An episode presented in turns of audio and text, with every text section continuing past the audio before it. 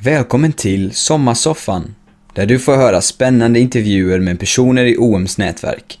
Tack för att du lyssnar och dela gärna vidare med vänner och familj.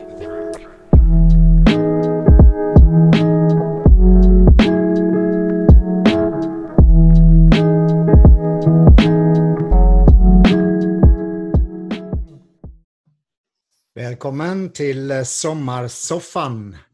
Varje måndagkväll under sommaren så bjuder OM på intressanta intervjuer med spännande människor i vårt nätverk.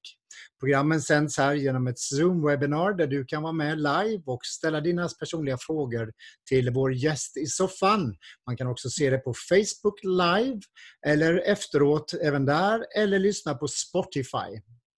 OMs missionsuppdrag är att se levande gemenskaper av efterföljare till Jesus bland de minst nådda. Detta är vi passionerade över och ett del av det uppdraget är att forma, utrusta och inspirera missionella lärjungar. Och därför så har vi Sommarsoffan. Välkommen med! Idag ska vi lyssna på Julia Andersson som har varit i Himalayabergen. Som ung 21-åring så åkte hon dit för att dela evangelium med de som aldrig har hört innan. Julia fick lära sig nytt språk, prova på mission och vara den första som berättar om Jesus för en del människor. Hon fick också vara med om något av det mest underbara man kan vara med om som missionär men också är några av de mest svåra. Om detta ska ni få lyssna och lära och vi ska alla få njuta av den här intervjun, så välkommen hit!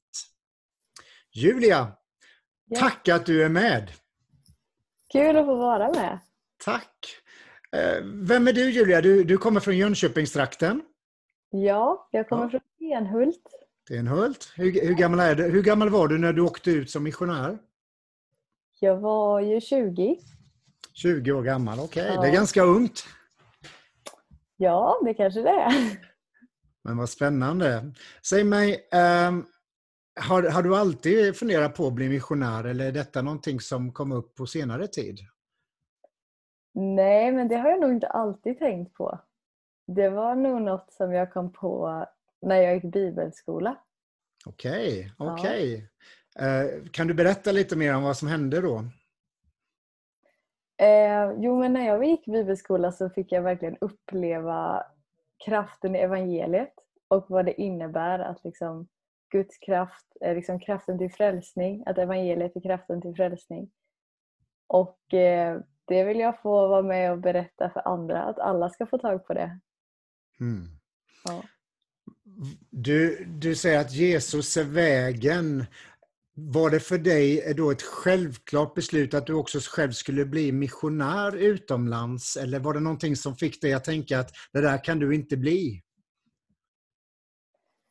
Eh, nej, det var det nog inte. Det var nog mer att jag fick en längtan efter att berätta det för andra. Att det var mm. något så fantastiskt så jag ville inte bara ha det för mig själv.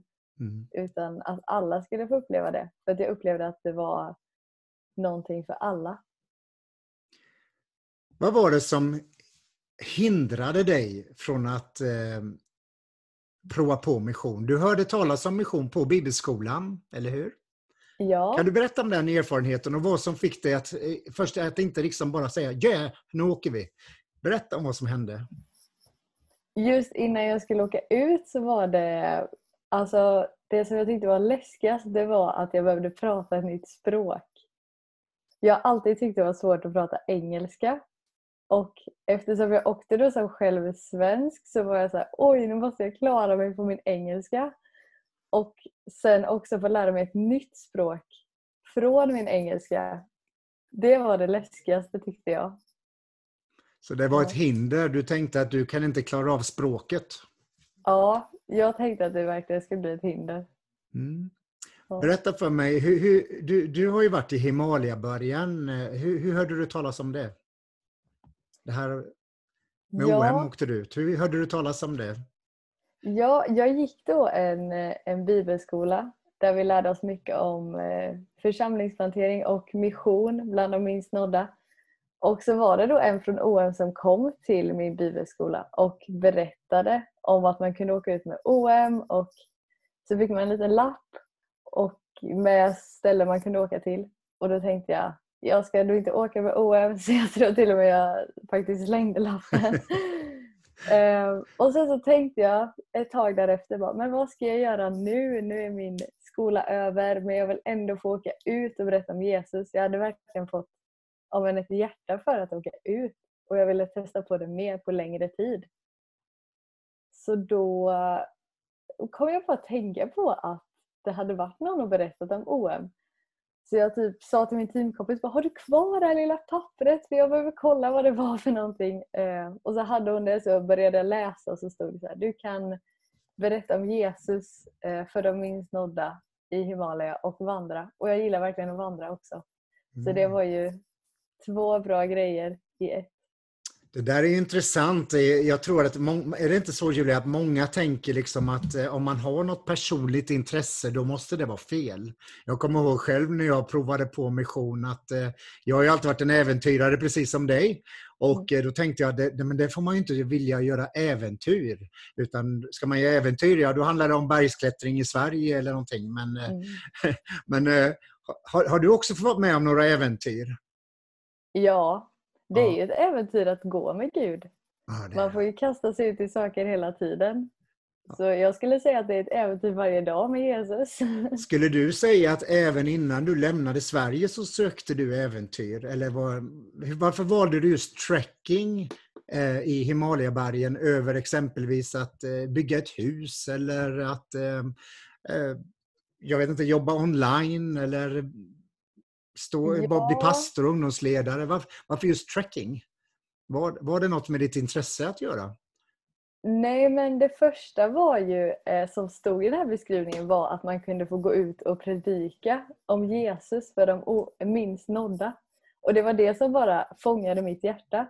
Och sen stod det att du kan också trekka i bergen. Och då är jag så här, det är ju verkligen ett jättestort plus. Men det var just det här att jag, jag kunde få gå ut och berätta om Jesus. Precis. Ja. Sen har du, förmodar jag, jag har aldrig varit i Himalayabergen men jag har ju hört talas om att du, du måste ju ha sett något av det mest vackra en missionär någonsin kan få se. Kan du beskriva Himalayabergen för oss lite grann? De var väldigt höga. Jag har aldrig sett så höga berg i hela mitt liv. Eh, och bara eh, få vandra genom byar och se hur de lever där. Se hur de bygger små trappsteg vid sina fält för att kunna leva där och se alla djupa dalar och superhöga berg. Det var helt magiskt. Man kunde nästan inte ta in att man såg det på riktigt. Liksom. Wow. Det var större än Järrabacken i Jönköping till och med. Jo, men det var lite större än Järrabacken. Beskriv också, du har också fått se en andlig nöd, ett andligt behov. Kan du beskriva den andliga nöden och behovet som finns i, runt i, i Himalayabergen idag? Ja, men det var speciellt att få leva så nära med hinduer. Jag har aldrig gjort det innan och få se hur de lever och hur de offrar till sina gudar och hur det faktiskt är så... att man verkligen ser hur de offrar till sina gudar. Hur det verkligen kan vara så här. De har gjort en riktig guldko som de tillber. Och det känns som, jag har inte sett det så mycket i Sverige innan, att man verkligen har en staty som man tillber som en avgud. Och det var väldigt eh, nytt för mig också få se hur mycket, eh, om en Jesus vill möta dem i det att, att han vill att de ska få tillbe honom. Mm. Ja. Kunde du mycket om de andra religionerna innan du åkte ut? Hade du studerat eh, olika världsreligioner och hur man vittnar för hinduer eller var det någonting du fick lära dig på vägen? Just att möta hinduer var någonting jag verkligen fick lära mig där och fick fråga mycket frågor och se hur de lever. Så det var något som jag lärde mig under tidens gång. Jag tror att många som kanske lyssnar på oss idag tänker att vittna eller berätta om Jesus för någon som kommer från en annan religion, det kanske är mycket svårare än att eh, dela med en svensk. Skulle du hålla med om det eller tycker du att det är tvärtom? Jag tycker verkligen att det är tvärtom. Jag Förklara. upplevde verkligen att eh, om en folket där jag var var väldigt öppna eller så. och eh, var intresserade av att höra. Ehm, men också sökte mycket. Söker i många olika gudar och då om det är en gud som verkligen kan ge någonting. Eh, när man söker frid eller man söker att få bli helad och om man får höra om Jesus så är det väldigt, vad ska man säga, nästan attraktivt eller så. Det är någonting man vill ha. Ja. Mm. Fortsätt beskriva lite grann den andliga situationen. Du säger att det var många hinduer. Ehm, Himalayabergen, det är inte så alltså att vi har eh, Finns det flera? Hur, hur, många, hur många kristna finns det i områdena? Är det väldigt många kristna? Är det mer än Sverige? Eller hur? Jag, jag känner inte till området så väl. Kan du beskriva lite grann hur det är med den kristna församlingen? Ja, det där jag bodde eller så, där fanns det väldigt, ganska många kyrkor, väldigt små kyrkor. Och eh, ja, men som träffades kanske i hemmen eller i en liten lokal.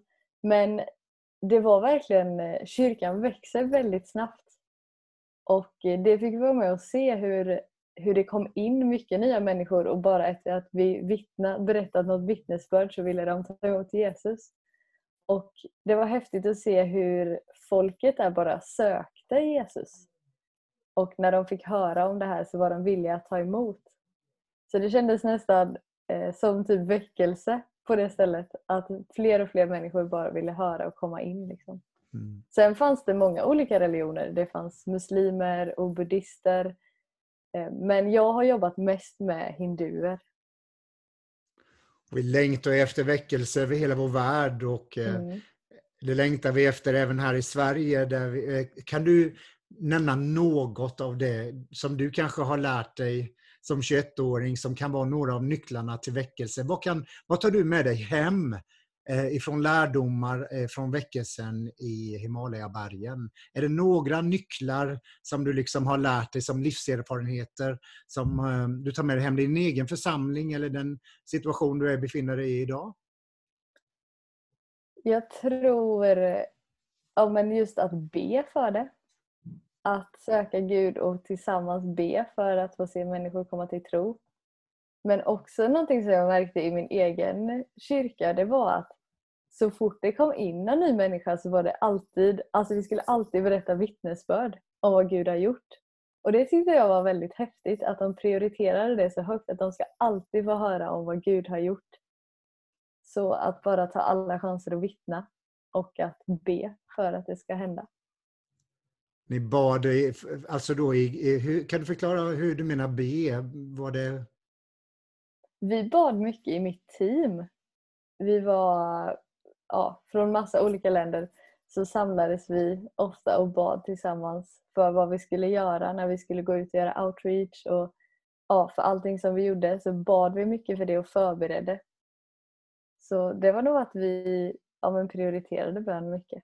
Mm. Mm. Och du ska få berätta lite grann om, eh, innan du åkte hem så fick du prioritera bön ännu mer har jag förstått, men vi kommer ja. dit sen. Kan du förklara det lite grann mer när du säger arbetat relationellt i lite mindre sammanhang. Eh, hur gick det tillväga? Hur, hur, hur arbetade ni med mission? Eh, det här var ju inte eh, stora väckelsemöten ni hade eller kampanjer utan mm. du arbetar relationellt. Kan du förklara lite hur ni gick tillväga i teamet? Ja, när jag var ute och vandrade så jobbade jag med att dela ut, vi kallar det för evangeliepaket. Så då vandrade vi mellan olika byar och så besökte vi alla hus och så gav vi dem ett evangeliepaket. Eh, där de fick höra om Jesus, där eh, evangeliet stod och där de fick ja, några böcker, korta enkla berättelser om vem Jesus är. Så när, vi, när jag var ute och vandrade så gjorde vi mycket det och samtalade med människor. Människor som var intresserade berättade vi mer för och annars så ja, vandrade vi från hus till hus. Men när jag var i huvudstaden så var det mer att jag jobbade med att gå ut på gatorna. Och jag och min kompis gick ofta in i en så te-shop och så köpte vi te och så brukade vi prata med de som satt där och så bygga relationer med de som jobbade och de som kom in och så blev det mer att man fick ha en relation. Så kunde man gå tillbaka och besöka dem igen. Spännande. Mm. Du, du, har ju varit ute och gjort trekking. Jag älskar ju att bo och vandra i bergen själv. Jag gillar och vi planerar för sommartrekking här nu. Um, då, då kanske man åker några mil och, och så går man en svänga kanske på, här och där. Men, men när du talar om trekking här, här talar du om ganska eh, stora äventyr, eller hur? Eller hur, hur kom man till platsen där du började med trekking? Var det, bodde du precis bredvid bergskedjan eller fick du Nej, åka buss eller bil? Eller? Ofta väldigt långa resor. Vi, eh, jag tror min längsta bussresa var 36 timmar. 36 timmar? Serpentinvägar, väldigt guppiga. Men eh, ja, det tog lång tid. Men eh, man kom fram till en fantastisk plats i alla fall. Och när du vandrade, hur långt gick ni då? Gick, var ni ute en dag eller, eller, eller kom ni hem sen på natten? Eller hur länge var ni ute och gick? Vi eh, brukade börja på morgonen och sen så gick vi hela dagen fram tills det började bli mörkt. Och då försökte vi hitta någonstans att bo. Vi bodde liksom med lokalbefolkningen. Så kom vi in i en by och så frågade vi kan vi bo hemma hos någon? Och så fick vi bo kanske i någons eh, lilla djurrum eller tillsammans med någon familj eller något sånt där. Djurrum? Ja, där de har sina djur. Där fick ni sova? Ja, ibland. Nu får du nästan förklara. Har du, vilka djur har du, har du sovit i samma stall som? Nej, men jag har sovit med lite getter ibland. Ja. Jätte. Ja, annars fick vi bo liksom över djuren så då stoppade de in sina bufflar och eh, hästar och getter under oss så fick vi bo över. Det låter väldigt intressant. wow! Wow! Du, ditt hjärta brinner har ju hela tiden brunnit för att eh, nå de som inte hört om evangelium. Det har du förklarat och det har du brunnit för rätt länge. Mm. Kan du förklara Eh, du har fått nu massa tillfällen att berätta om Jesus för den som aldrig hört det hur, Kan du förklara någon gång, kan du berätta om någon situation när du var med om det? Och vad det gjorde, både i den personens liv som fick höra från dig, men kanske också i ditt eget liv?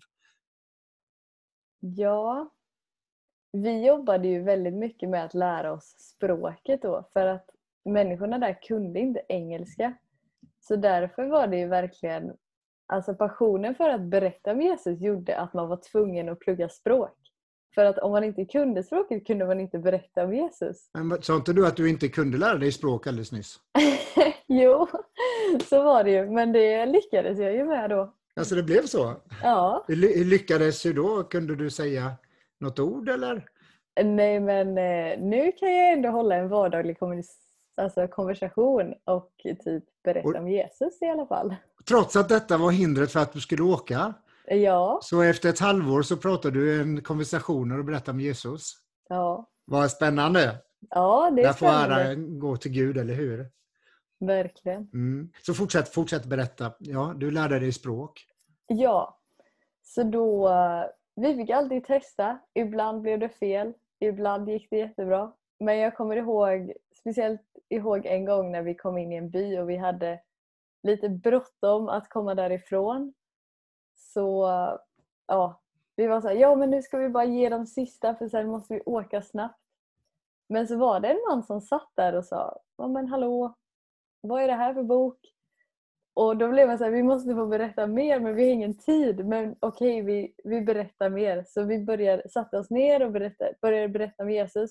Och jag kommer ihåg hur jag försökte med min bästa, eh, mitt bästa för att få honom att förstå.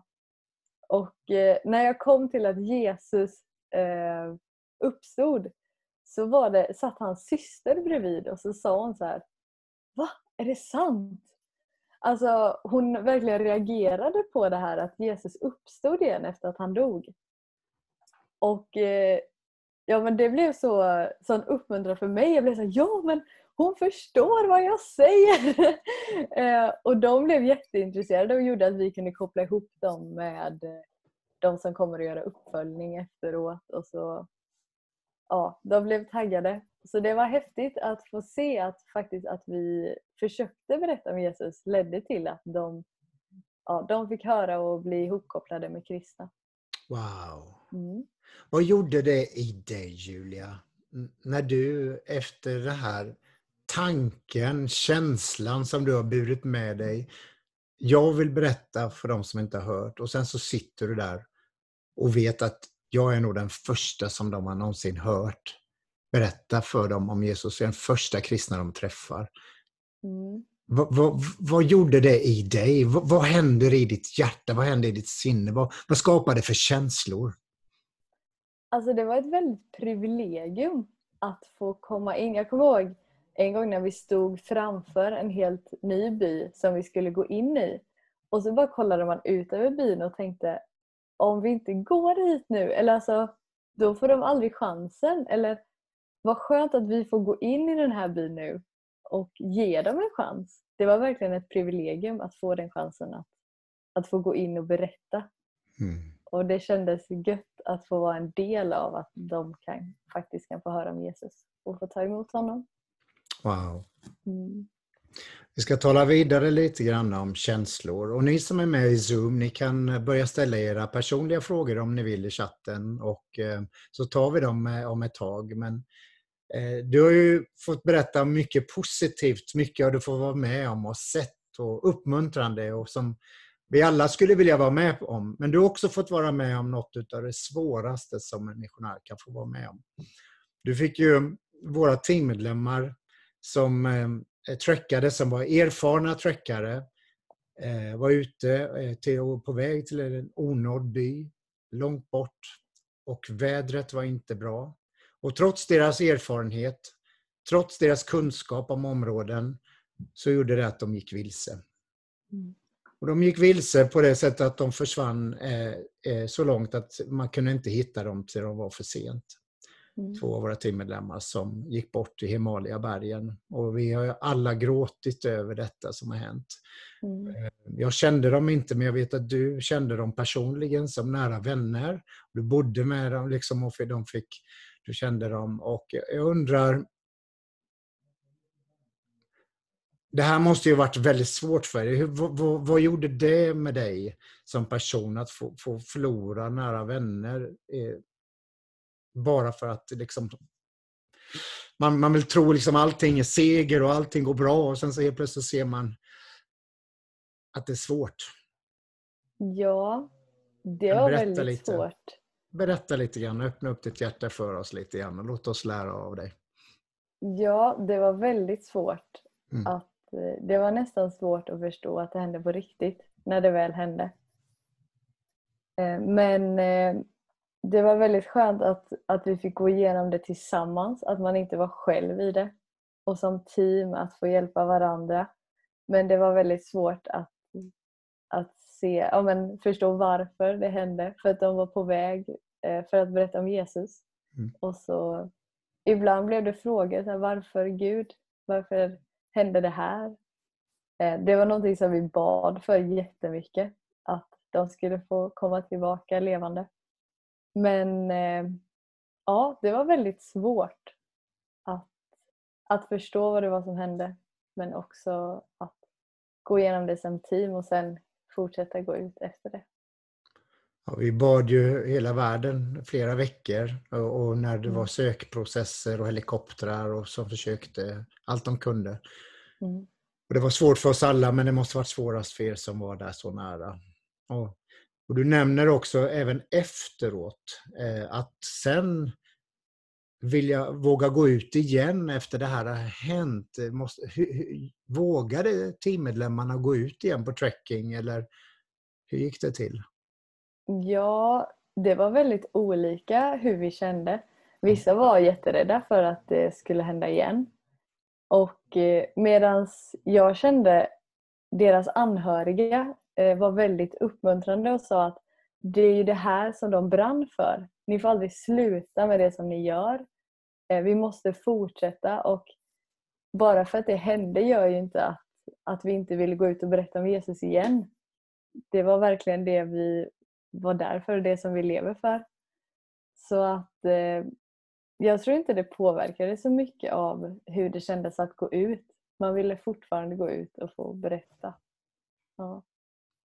Skulle du till och med kunna se att eh, ibland så när man ser förföljelse, när man ser motgångar, att det ibland till och med kan sporra oss som troende att eh, fortsätta slutföra uppdraget?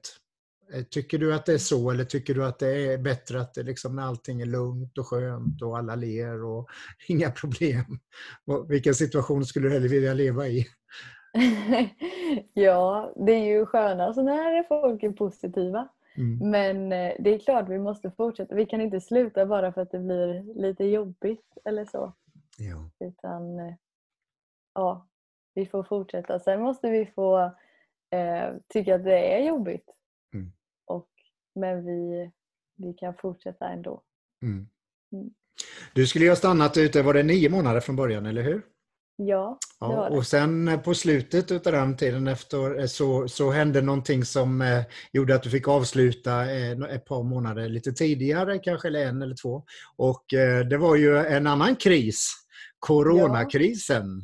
Ja, corona. Och helt plötsligt, eh, hur påverkade det ert arbete när coronakrisen bröt ut i, där i Himalaya-bergen? Det påverkades väldigt mycket. När eh, corona kom så var jag ute i bergen och jag hade ingen täckning. Så att jag visste inte att det kom. Men eh, vi fick avbryta och åka tillbaka till huvudstaden för att det blev lockdown. Man fick inte lämna sitt hus. Så att ehm, ja, det påverkades väldigt mycket. Vi kunde inte vandra mer. Vi kunde inte gå ut och evangelisera mer utan vi fick bara sitta inne Ja. Och vad gör man när man sitter inne? Är det Netflix som gäller då eller att spela schack? Eller vad gör man som missionär i, i corona-lockdown? Ja, vi spenderar mycket tid i att be. Be för landet och be för situationen och be för världen. Men också göra det lilla som vi kan. Vi satsade på att bygga mer relationer med grannar. De som ville. typ baka bullar och sådär och ge bort. Eh, försökte göra så mycket som vi kunde även fast det var svårt. Det var svårt att komma på idéer ibland. Mm. Mm. Vad vackert. Vad vackert att ändå fortsätta nå ut eh, även när eh, många människor blir väldigt självupptagna. Mm. Och eh, det tycker jag var vackert. Ehm, du har ju varit ute med OM då i eh, trekking i Himalaya-bergen. Eh, skulle det här vara någonting som du skulle vilja rekommendera någon annan att göra eller är det en erfarenhet som du känner det här var bra för mig men nu räcker det? Jag eh, skulle verkligen rekommendera det. Det var en upplevelse som jag aldrig vill glömma eller aldrig kommer glömma. Och har fått lära mig så mycket men också så har människor fått höra om Jesus och fått möta honom. Så jag tror att det är en superbra grej ett väldigt bra ställe att få träna sig och få växa.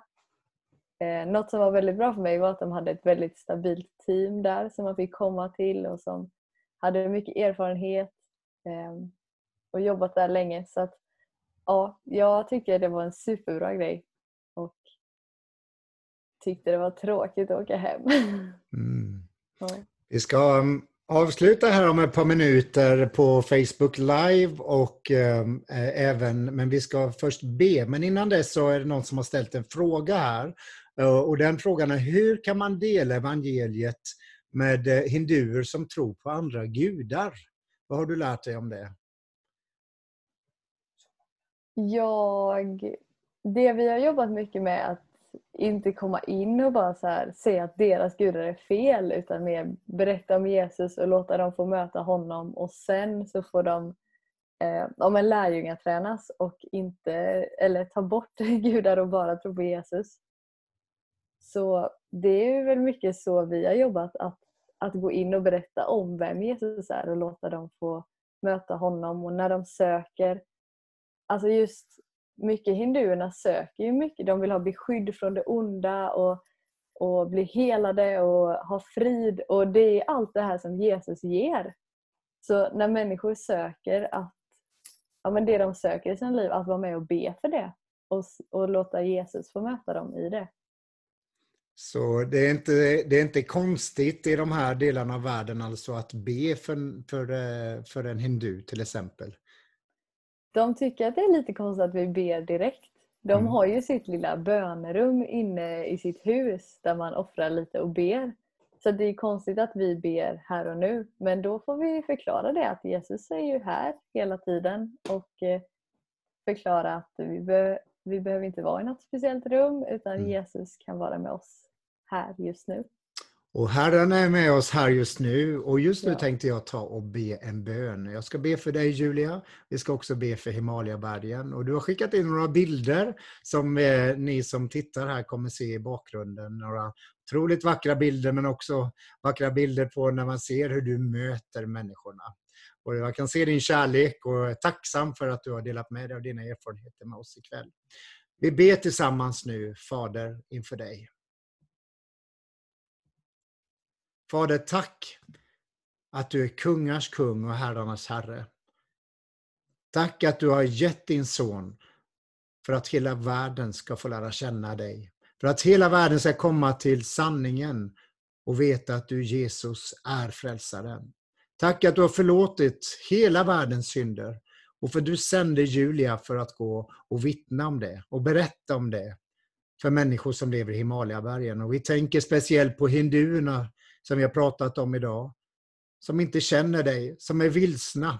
Och jag ber för dem som har hört evangelium genom Julias vittnesbörd, att de ska komma till tro. Till tro. Och Herre, vi ber för dem som hon har fått möta, en del av dem som vi ser på bilder. Vi ber Gud att de alla skulle få ta emot dig och bli vittnen för dig, som lärjungar till dig, som i sin tur formar lärjungar av andra. Jag ber för dem som lyssnar också på denna intervju, att du ska röra vid var och ens hjärta, så att var och en av oss får praktisera vad vi har lärt oss och bli mer och mer lik dig. Och vi ärar dig för vad du har gjort. I Jesu namn. Amen. Ni har fått vara med av en intervju av Julia Andersson som har varit på Himalayabergen och det här är del av vad vi kallar Sommarsoffan som då börjar idag.